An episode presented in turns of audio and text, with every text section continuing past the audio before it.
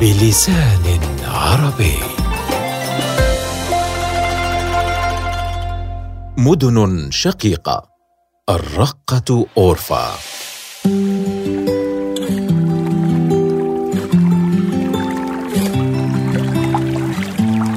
وادي الفرات كتاب فيه أسرار قد داعبته حضارات وأقدار. تروي الشطوط حروبا لا عداد لها. كما روى وحشة الأهوال أغوار. على الفرات حضارات معفرة. وللفرات مع الأيام أسرار. كانتا مثل نجمتين في السماء. انطفأت إحداهما. وبقيت الأخرى تتلألأ إلى اليوم. وجهتنا ستكون إلى أعالي الجزيرة الفراتية شمالي غربي الرقة. سننطلق من باب حران نحو مدينة قديمة وشهيرة يعود تاريخها إلى العهد الآشوري. وكانت دير الزور والرقة والميادين من أعمالها في العهد العثماني على مدى قرنين.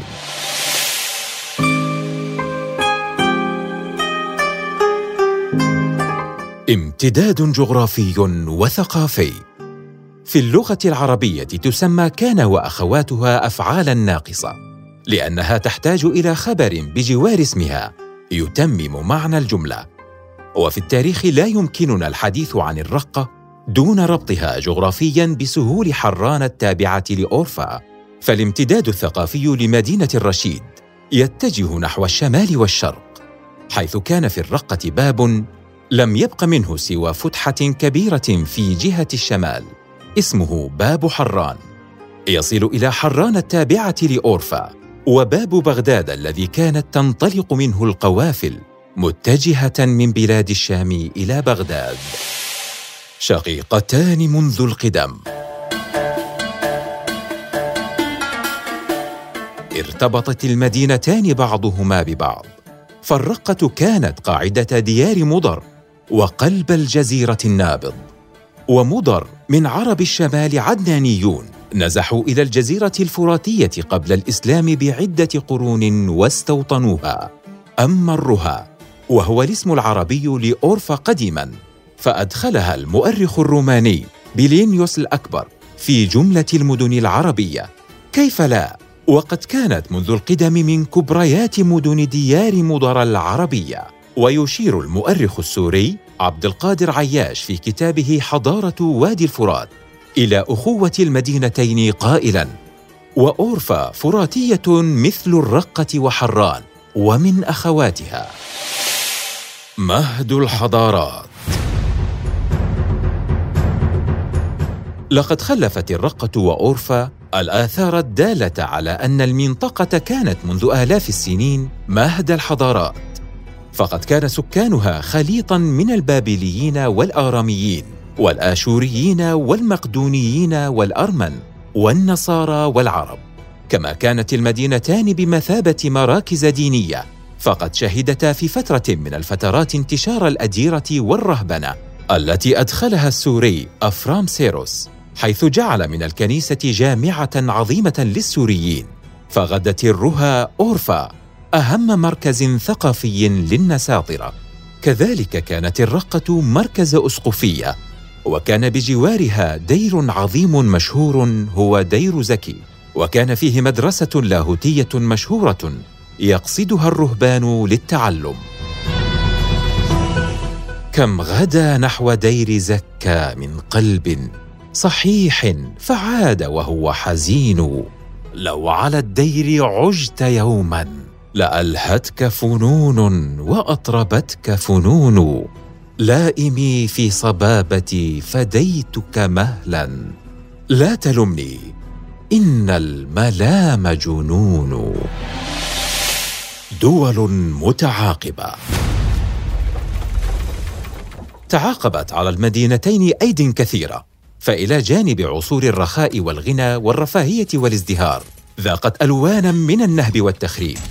بسبب الحروب والفتن في فترات كثيرة من تاريخها. فتارة كانتا تقعان بيد الرومان وتارة في يد الفرس إلى أن فتحهما القائد الإسلامي عياض بن غنم فلم يبق بالجزيرة موضع قدم إلا فتح على عهد عمر بن الخطاب رضي الله عنه. وصادفنا الفرات غداة سرنا إلى أهل الجزيرة بالعوالي. أخذنا الرقة البيضاء لما رأينا الشهر لوح بالهلال. استمرت الصلات متينة بين المدينتين في فترة الإمارات الإسلامية حتى إن أكبر عالم فلكي في عصره وهو البتاني جاء من حران التابعة للرها وبدأ بتجاربه في مرصد الرقة. سنة 264 وأقام على عمله في الرقة 42 سنة كما أن دفين الرقة السلطان عماد الدين زنكي قد قضى على إمارة الرها الصليبية وكان ذلك أحد أسباب اشتداد الحملات الصليبية على بلاد الشام. العهد العثماني.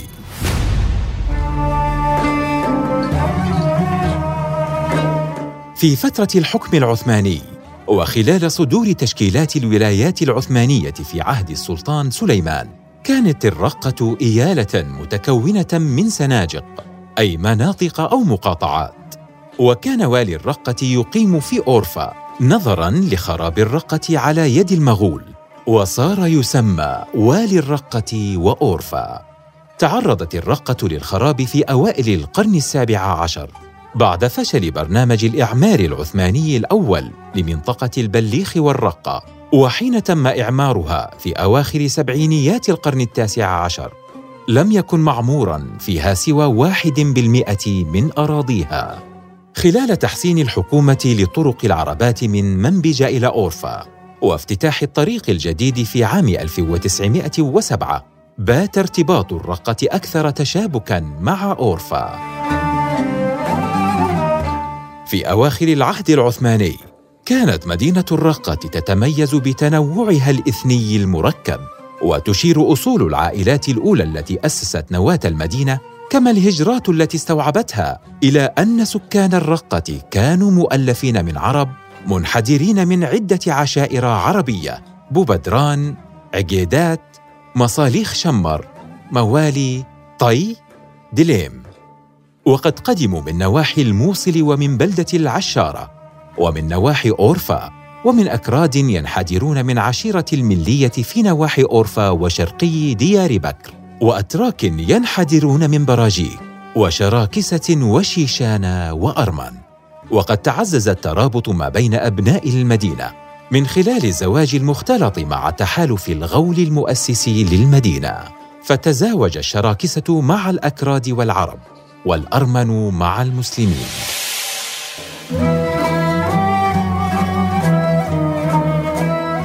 هذه العلاقة الوثيقة بين المدينتين عبر التاريخ خلقت حالة من التبادل اللغوي فيما بينهما فدخلت الكثير من المفردات التركية على اللهجة الرقية شأنها في ذلك شأن العديد من المدن السورية ومدن بلاد الشام بشكل عام فكلمة كفتة ودولما ويبرأ وترشي وغيرها من المفردات التركية التي دخلت في قاموس اللهجة الرقية.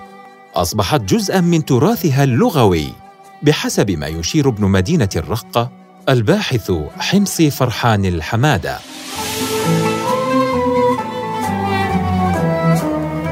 زيارات متبادلة.